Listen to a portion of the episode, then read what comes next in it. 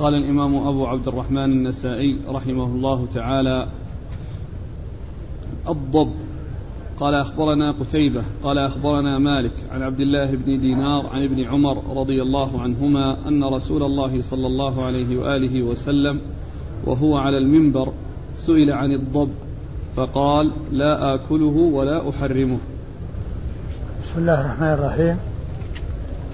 الحمد لله رب العالمين وصلى الله وسلم وبارك على عبده ورسوله نبينا محمد وعلى آله وأصحابه أجمعين.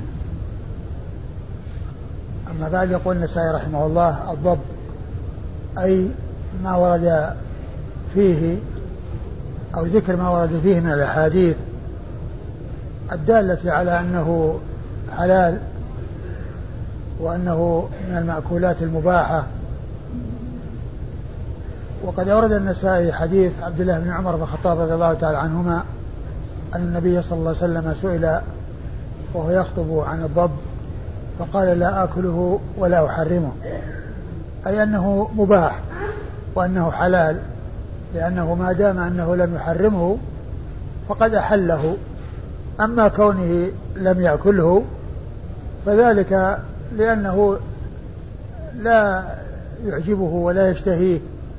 ولم يكن بأرض قومه ولم يكن ألف يعني ذلك المأكل فمن أجل ذلك لا يأكله صلى الله عليه وسلم.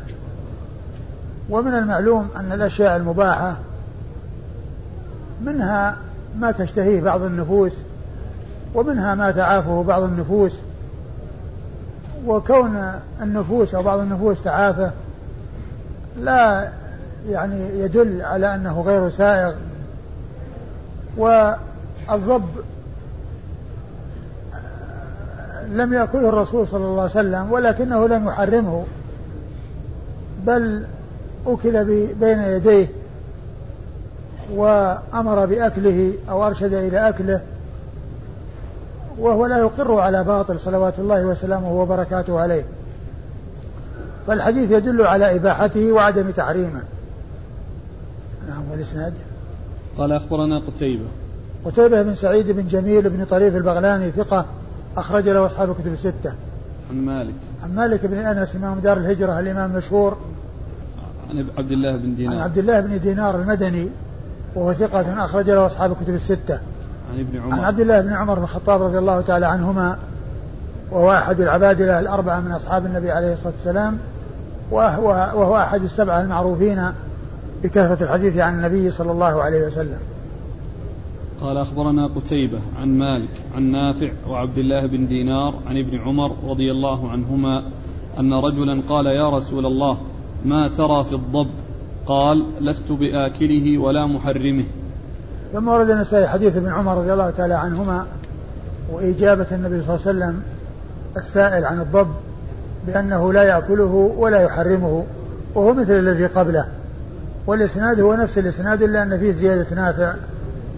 مولى ابن عمر. نافع. نعم. نافع مولى ابن عمر وهو ثقة. أخرج له أصحاب كتب الستة. قال أخبرنا كثير بن عبيد عن محمد بن حرب عن الزبيدي. قال أخبرني الزهري عن أبي أمامة بن سهل عن عبد الله بن عباس عن خالد بن الوليد رضي الله عنهم أن رسول الله صلى الله عليه وآله وسلم أتي بضب مشوي فقرب إليه فأهوى إليه بيده ليأكل منه. قال له من حضر يا رسول الله إنه لحم ضب فرفع يده عنه. فقال له خالد بن الوليد يا رسول الله أحرام للضب؟ قال لا ولكن لم يكن بأرض قومي فأجدني أعافه. فأهوى خالد إلى الضب فأكل منه. ورسول الله صلى الله عليه وآله وسلم ينظر. ثم ورد النسائي حديث خالد بن الوليد رضي الله تعالى عنه أن النبي صلى الله عليه وسلم قدم له ضب فأهوى ليأكل فقيل إنه ضب فرفع يده وقال خالد أحرام هو يا رسول الله؟ قال لا ولكنه لم يكن بأرض قومي فأهوى خالد بيده وأكله. ورسول الله صلى الله عليه وسلم ينظر فهو لا يقر على باطل عليه الصلاة والسلام وذلك يدل على حله وإباحته وفيه بيان السبب في ترك النبي صلى الله عليه وسلم أكله لأنه لم يكن اعتاد أكله ولم يكن ألف أكله ولم يكن بأرض قومه فمن أجل ذلك لم يأكل منه صلى الله عليه وسلم ولكن آه، إقرار النبي عليه الصلاة والسلام لخالد بن الوليد بأكله يدل على إباحته وأنه حلال وأنه حلال سائغ. قال أخبرنا كثير بن عبيد. كثير بن عبيد الحمصي وهو صدوق. ثقة. وهو ثقة أخرج له. أبو داود والنسائي بن ماجه. أخرج له أبو داود والنسائي بن ماجه. عن محمد بن حرب الحمصي وهو ثقة أخرج له أصحاب كتب الستة. عن الزبيدي وهو محمد بن الوليد الزبيدي الحمصي وهو ثقة أخرج له أصحاب كتب الستة إلى الترمذي. عن الزهري. عن الزهري محمد بن مسلم بن عبيد الله بن شهاب الزهري ثقة أخرج له أصحاب كتب الستة. عن أبي أمامة بن سهل. عن أبي أمامة بن سهل بن حنيف وله رؤية. نعم. وقد ولد في حياة النبي صلى الله عليه وسلم وله رؤية أخرج حديثه أصحاب كتب الستة. عن عبد الله بن عباس. عن عبد الله بن عباس بن عبد المطلب ابن عم النبي صلى الله عليه وسلم وأحد العبادلة الأربعة من أصحاب النبي عليه الصلاة والسلام وأحد السبعة المعروفين بكثرة الحديث عن النبي صلى الله عليه وسلم. عن خالد بن الوليد. عن خالد بن الوليد رضي الله عنه آه، صاحب رسول الله صلى الله عليه وسلم وحديثه أخرجه أصحاب الكتب الستة. إلا إلا إلا من؟ إلا الترمذي. أصحاب الكتب الستة إلا الترمذي. آه، فيه ثلاثة من الصحابة يروي بعضهم عن بعض. قال أخبرنا أبو داود قال حدثنا يعقوب بن إبراهيم قال حدثنا أبي عن صالح عن ابن شهاب عن, عن أبي أمامة بن سهل عن ابن عباس رضي الله عنهما أنه أخبره أن خالد بن الوليد رضي الله عنه أخبره أنه دخل مع رسول الله صلى الله عليه وآله وسلم على ميمونة بنت الحارث رضي الله عنها وهي خالته. فقدم إلى رسول الله صلى الله عليه وآله وسلم لحم ضب وكان رسول الله صلى الله عليه وآله وسلم لا يأكل شيئا حتى يعلم ما هو. فقال بعض النسوة ألا تخبرن رسول الله صلى الله عليه وآله وسلم ما يأكل؟ فأخبر فأخبرته أنه لحم ضب فتركه. قال خالد سألت رسول الله صلى الله عليه وآله وسلم أحرام هو؟ قال لا ولكنه طعام ليس في أرض قومي فأجدني أعافه. قال خالد فاجتررته إلي فأكلته ورسول الله صلى الله عليه وآله وسلم ينظر. وحدثه ابن الأصم عن ميمونة وكان في حجرها.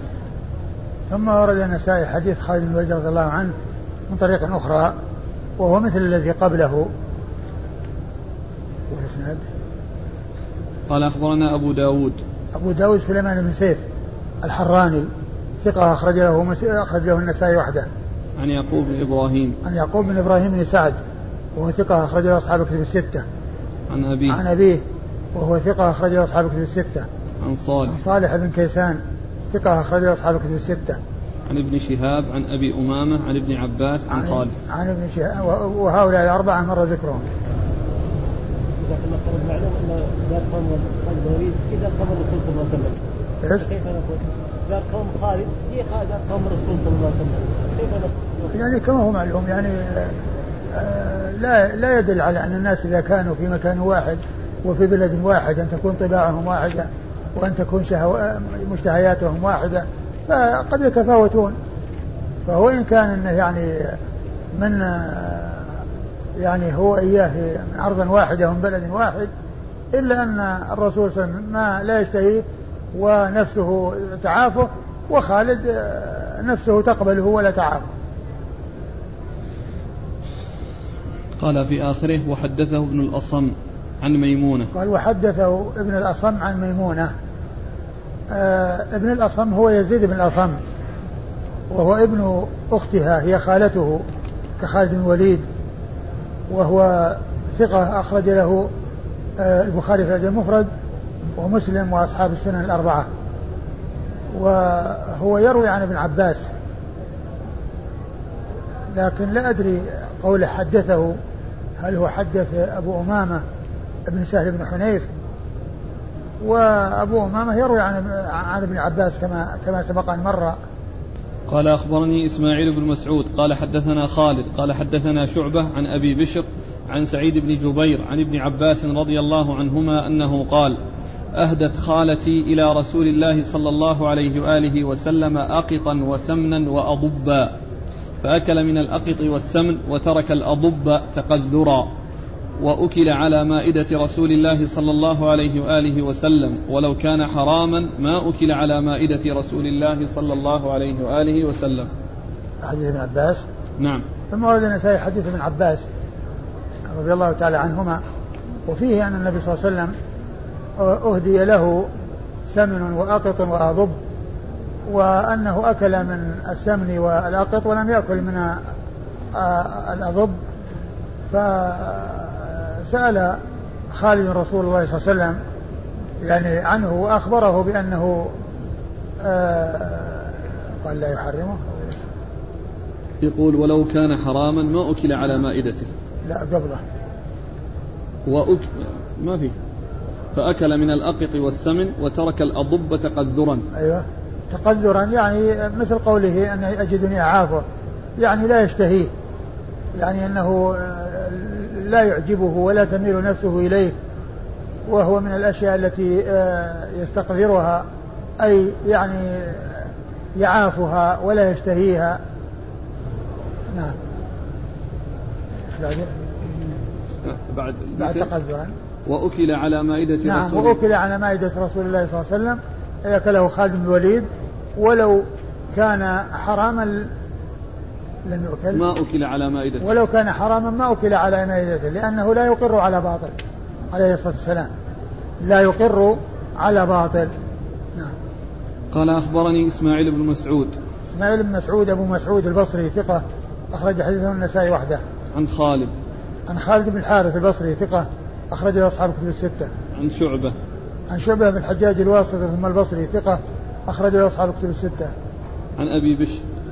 عن أبي بشر جعفر بن إياس المشهور بن أبي وحشية وهو ثقة أخرج له أصحاب كتب الستة. عن سعيد بن جبير. عن سعيد بن جبير ثقة أخرج له أصحاب كتب الستة. عن ابن عباس. عن ابن عباس وقد مر ذكره. قال أخبرنا زياد بن أيوب قال حدثنا هشيم قال أنبأنا أبو بشر عن سعيد بن جبير عن ابن عباس رضي الله عنهما أنه سئل عن أكل الضباب فقال أهدت أم حفيد إلى رسول الله صلى الله عليه وآله وسلم سمنا وأقطا وأضبا فأكل من السمن والأقط وترك الضباب تقذرا لهن. فلو كان حراما ما أكل على مائدة رسول الله صلى الله عليه وآله وسلم ولا أمر بأكلهن. ثم أورد النسائي حديث ابن عباس من طريق أخرى وهو مثل ما تقدم. والإسناد؟ قال أخبرنا زياد بن أيوب. زياد بن أيوب ثقة أخرج حديثه مسلم. البخاري وأبو داود والترمذي البخاري وأبو داود والترمذي والنسائي. عن هشيم. عن هشيم بن بشير الواسطي ثقة أخرج له أصحاب كتب الستة. عن أبي بشر عن سعيد بن جبير عن ابن عباس. وقد مر ذكرهم.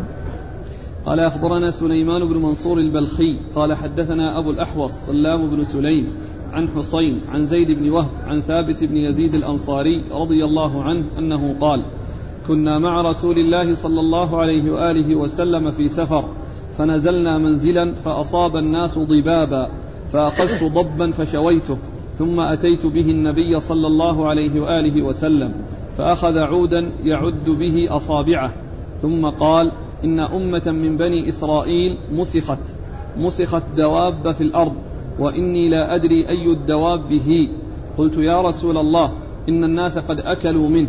قال فما أمر بأكلها ولا نهى. ثم ورد النسائي حديث ثابت بن يزيد الأنصاري رضي الله تعالى عنه أنهم كانوا مع النبي صلى الله عليه وسلم في سفر فجاءوا في مكان فيه ضباب فأخذ ضبا وشواه وأتى به النبي صلى الله عليه وسلم وقال عليه الصلاة والسلام إن أمة آه، مسخت وأنه آه، لا يدري إن أمة من بني إسرائيل مسخت دواب في الأرض. وإني لا أدري أي الدواب هي آه إن أمة من بني إسرائيل مسخت دواب في الأرض ولا أدري أي الدواب هي يعني الذي مسخت هل هي الضباب أو غيرها. أيوة. قلت يا رسول الله إن الناس قد أكلوا منها. قلت يا رسول الله إن الناس أكلوا منها. قال لا آكله. فما أمر بأكلها ولا نهى. فما أمر بأكلها ولا نهى. يعني آه، وأكلت بين يديه وأقر على ذلك. عليه الصلاة والسلام. وكونه ما أكل ولا نهى يعني يدل على أنه مباح. لأنه لو كان منهيا عنه لا بينه. أما كونه لم يأكل فقد عرفنا السبب في ذلك وأنه آه، لا يشتهيه ويجد نفسه يعافه لأنه لم يكن بأرض قومه صلى الله عليه وسلم. ثم هذا الذي آه، آه، الشك الذي حصل من رسول الله صلى الله عليه وسلم وكونه لا يدري أي الدواب هي هذه التي مسخت يعني كان هذا قبل أن يعلم بأن الذين مسخوا لم يكن لهم نسل الذين مسخوا لم يكن لهم نسل كما ثبت في صحيح مسلم أن النبي عليه الصلاة والسلام قال إنه لم يكن. لم يكن لأم لم يكن لم يكن لأمة مسخت نسلا. يعني معناه أنهم يعني الذين مسخوا يهلكون ولا يتناسلون. يعني الذين مسخوا أنفسهم يهلكون ولا يكون لهم نسل. ومعنى هذا أن هذه الدواب التي كان يظن أنها يعني آه، نسل للذين مسخوا تبين للنبي عليه الصلاة والسلام أنه لم يكن لهم نسل وعلى هذا فالدواب ليست ليس شيء من الدواب نسلا لقوم مسخوا. لا القردة ولا الخنازير ولا غيرها لأن الذين مسخوا انقرضوا ولا يحصل لهم تناسل بل يبيدون وينتهون بانتهائهم فلا يكون لهم أثر ولا يكون لهم بقية. والحديث في صحيح مسلم. نعم فأخذ عودا وجعل يعد أصابعه. يعد أصابع الضب. أي نعم. يعني خمس مثل أصابع. نعم. يعني هي خمس مثل أصابع بني آدم؟ والله أنا ما ما أتذكر الآن وش كثر أصابعه. لا أدري. نعم. الشارح يقول أن الممسوخ لا يعيش أكثر من ثلاث هذا ما أعرف يعني يقول قد صح نعم ما أعرف مستنده هذا. لكن الذي صح أنه لم يكن لهم نسل. أنه لم يكن لهم نسل. ولو وإذا صح أنهم لا يعيش ثلاث يعني معناه أنه ما في تناسل. لأن الفترة هذه ما يمكن التناسل فيها. لكن ما أعرف يعني وجهه وأين يعني هذا الذي قال إنه صحيح. لكن الذي في صحيح مسلم كما ذكرت أنه لم يكن لأمة مسخت نسلها ومسلم ذكره في كتاب القدر. قال أخبرنا سليمان بن منصور البلخي. أخبرنا سليمان بن منصور البلخي وهو لا بأس به وهي تعادل صدوق. أخرج حديثه النسائي وحده. نعم. أخرج حديثه النسائي وحده. عن أبي الأحوص. عن أبي الأحوص سلام بن سليم الحنفي. ثقة أخرج له أصحاب الكتب الستة. عن حصين. عن حصين بن عبد الرحمن سلمي ثقة أخرج له أصحاب الكتب الستة. عن زيد بن وهب. عن زيد بن وهب وهو ثقة أخرج له أصحاب الكتب الستة. مخضرم ثقة مخضرم أخرج له أصحاب الكتب الستة. عن ثابت بن يزيد الأنصاري. عن ثابت بن يزيد الأنصاري رضي الله تعالى عنه وحديثه أخرجه أبو داود والنسائي وابن ماجه. نعم. أبو داود والنسائي وابن ماجه. قال أخبرنا عمرو بن يزيد قال حدثنا بهز بن أسد قال حدثنا شعبة قال حدثني عدي بن ثابت قال سمعت زيد بن وهب يحدث عن ثابت بن وديعة رضي الله عنه أنه قال جاء رجل إلى رسول الله صلى الله عليه وآله وسلم بضب فجعل ينظر إليه ويقلبه وقال إن أمة مسخت لا يدرى ما فعلت وإني لا أدري لعل هذا منها. ثم ورد النسائي حديث آه ثابت. نعم ثابت ثابت بن وديعة هو ثابت بن يزيد. يعني قيل هو ثابت بن وديعة بن يزيد والحديث يعني مر يعني في الإسناد الذي قبل هذا الذي قبل هذا وهنا قال لعل هذا منها لعل هذا منها يعني من التي من نسل التي مسخت. لكن كما ذكرت قال هذا رسول الله صلى الله عليه وسلم قبل أن يعلم أن الذين مسخوا لا يكون لهم نسل وأنهم ينتهون بانتهائهم وينقرضون بانقراضهم قال أخبرنا عمرو بن يزيد. عمرو بن يزيد الجرمي وهو ثقة أخرج حديثه النسائي وحده. صلى الله عليك صدوق. صدوق. صدوق أخرج حديثه النسائي وحده. عن بهز بن أسد. عن بهز بن أسد وهو ثقة أخرج له أصحاب الكتب الستة. عن شعبة. عن شعبة مر ذكره. عن عدي بن ثابت. عن عدي بن ثابت وهو ثقة أخرج له أصحاب الكتب الستة. عن زيد بن وهب عن ثابت بن وديعة. عن زيد بن عن زيد بن وهب عن ثابت بن وديعة وقد مر ذكرهما. قال أخبرنا عمرو بن علي قال حدثنا عبد الرحمن قال حدثنا شعبة عن الحكم عن زيد بن وهب عن البراء بن عازب عن ثابت بن وديعة رضي الله عنهم أن رجلا أتى النبي صلى الله عليه وآله وسلم بضب فقال إن أمة مسخت والله أعلم. ثم ورد النسائي حديث زيد بن ثابت بن وديعة. بن وديعة رضي الله عنه وهو مثل الذي قبله. قال أخبرنا عمرو بن علي. عمرو بن علي الفلاس ثقة أخرج له أصحاب الكتب الستة بل هو شيخ لأصحاب الكتب الستة. عن عبد الرحمن. عبد الرحمن هو بن مهدي البصري ثقة أخرج له أصحاب الكتب الستة. عن شعبة عن الحكم. والحكم هو بن عتيبة الكوفي ثقة أخرج له أصحاب الكتب الستة. عن زيد بن وهب عن البراء بن عازب. والبراء بن عازب صاحب رسول الله صلى الله عليه وسلم وحديثه أخرجه أصحاب الكتب الستة. عن ثابت بن وديع. وقد مر ذكره. أحسن الله إليك. ما قولكم فيما ذكره السندي؟ أن أن الضب مستقدر طبعا لا يوافق كل ذي طبع شريف وأن هذا كان قبل نزول قوله تعالى ويحرم عليهم الخبائث هذا مو صحيح لأنه ما حرم. أقول ما ثبت تحريمه والآية لا تدل على تحريمه وكونه يعني لا يناسب بعض الناس هو يناسب البعض الآخر. وقد حصل هذا بحضرة النبي صلى الله عليه وسلم فلم يناسب النبي صلى الله عليه وسلم وناسب خادم الوليد رضي الله تعالى عنه. قال رحمه الله تعالى الضبع. قال أخبرنا محمد بن منصور قال حدثنا سفيان قال حدثني ابن جريج عن عبد الله بن عبيد بن عمير عن ابن أبي عمار قال أنه قال سألت جابر بن عبد الله رضي الله عنهما عن الضبع فأمرني بأكلها فقلت أصيد هي؟ قال نعم. قلت أسمعته من رسول الله صلى الله عليه وآله وسلم؟ قال نعم. ثم ورد النسائي هذا الترجمة وهي الضبع. أي بيان ما ورد فيه وأنه صيد وأنه يجوز أكله. وورد في حديث جابر بن عبد الله رضي الله عنه وقد سئل عن الضبع آه، يقول ابن أبي عمار سألت جابر بن عبد الله عن الضبع فأمرني بأكلها. نعم، سألت جابر بن عبد الله عن الضبع فأمرني بأكلها. وقال إن وقلت أصيد هو؟ قال نعم. أصيد هو؟ أصيد نعم. أصيد هو؟ قال نعم. نعم. قلت نعم. أسمعته من رسول الله؟ قلت أسمعته من رسول الله صلى الله عليه وسلم قال نعم. وهذا هو الذي يدل على أنه مرفوع. لأنه قال أسمعته من رسول الله صلى الله عليه وسلم قال نعم أي أنها صيد وأنه يجوز أكلها وهو يدل على آه، أن الضبع آه، آه، حلال وأنه أنها تؤكل وأنها صيد وأن النبي وأن ذلك ثبت عن رسول الله صلى الله عليه وسلم. قال أخبرنا محمد بن منصور محمد بن منصور هو الجواز المكي ثقة أخرج حديثه النسائي وحده عن سفيان عن سفيان بن عيينة المكي ثقة أخرج له أصحاب الكتب الستة. عن ابن جريج.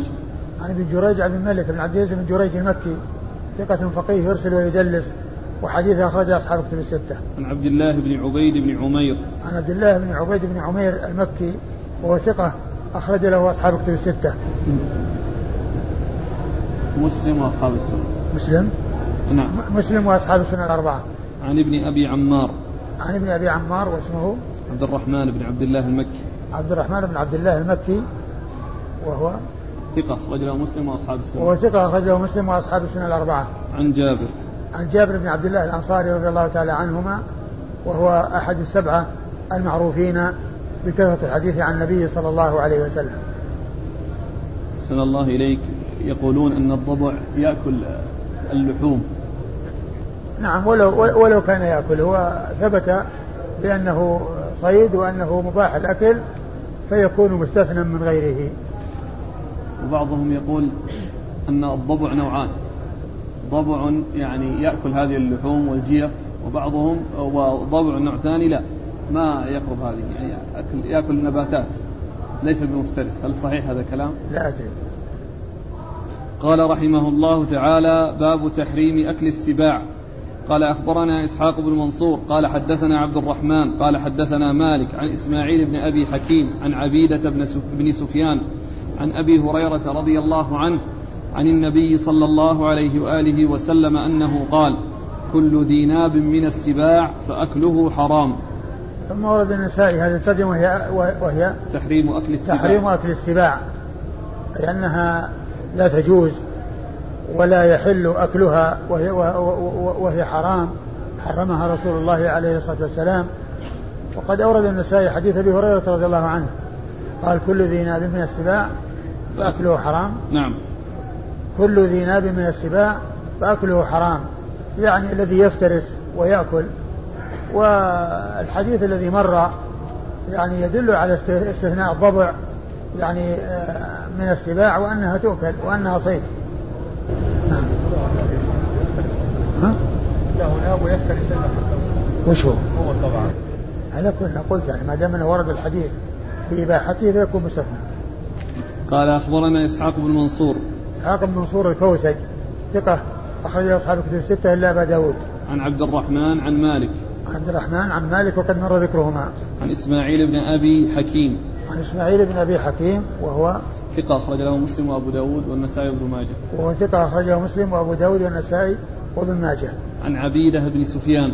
عن عبيدة بن سفيان وهو ثقة أخرج له مسلم وأصحاب السنة. أخرج له مسلم وأصحاب السنة الأربعة. عن أبي هريرة. عن أبي هريرة عبد الرحمن بن صخر الدوسي رضي الله عنه صاحب رسول الله صلى الله عليه وسلم وأكثر أصحابه حديثا على الإطلاق رضي الله تعالى عنه.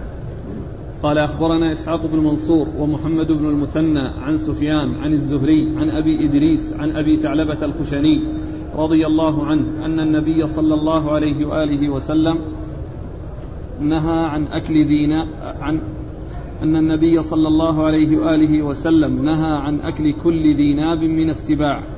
ثم ورد النسائي حديث أبي ثعلبة الخشني جرثوم بن ناشر رضي الله عنه أن النبي صلى الله عليه وسلم نهى عن أكل كل ذي ناب من السباع. وهو مثل حديث أبي هريرة المتقدم. قال أخبرنا إسحاق بن منصور ومحمد بن المثنى. محمد المثنى هو الزمن أبو موسى العنزي ثقة أخرج له أصحاب الكتب الستة بل هو شيخ لأصحاب الكتب الستة. عن سفيان عن الزهري. سفيان هو بن عيينة. وقد مر ذكره والزهري وقد مر ذكره. عن أبي إدريس. عن أبي إدريس الخولاني واسمه عايد الله وهو ثقة أخرج له أصحاب الكتب الستة. عن أبي ثعلبة. عن أبي ثعلبة الخشني جرثوم بن ناشر رضي الله عنه وحديثه أخرجه أصحاب الكتب الستة. قال أخبرنا عمرو بن عثمان قال حدثنا بقية عن بحير عن يحيى. لا دون يحيى عن يحيى. قال حدثنا بقية عن بحير عن خالد عن جبير بن نفير عن أبي ثعلبة رضي الله عنه أنه قال قال رسول الله صلى الله عليه وآله وسلم لا تحل النهباء لا تحل النهبا ولا يحل من السباع كل ذي ناب ولا تحل المجثمة. ثم ورد النسائي حديث أبي ثعلبة الخشني رضي الله تعالى عنه لا تحل النهبا والمقصود من ذلك المنهوب وهو الذي يؤخذ من صاحبه آه، بغير حق ينتهب منه ويؤخذ منه فإن ذلك حرام. لأنه أكل لأموال الناس بالباطل ولا أكل كل ذي ناب من السباع. وهذا محل الشاهد للترجمة ولا المجثمة وهي التي تربط أو تحبس وتتخذ هدفا ترمى.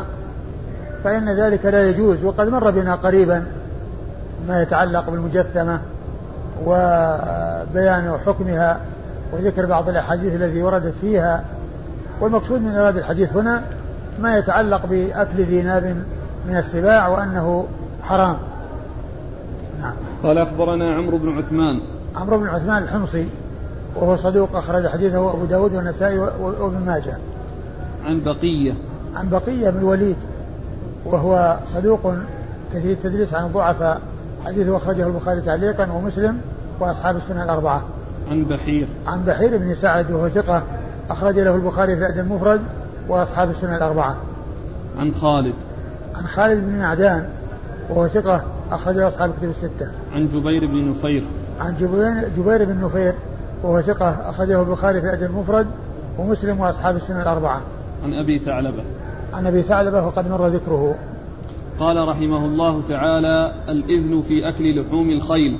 والله تعالى أعلم وصلى الله وسلم وبارك على عبده ورسوله نبينا محمد وعلى آله وأصحابه أجمعين.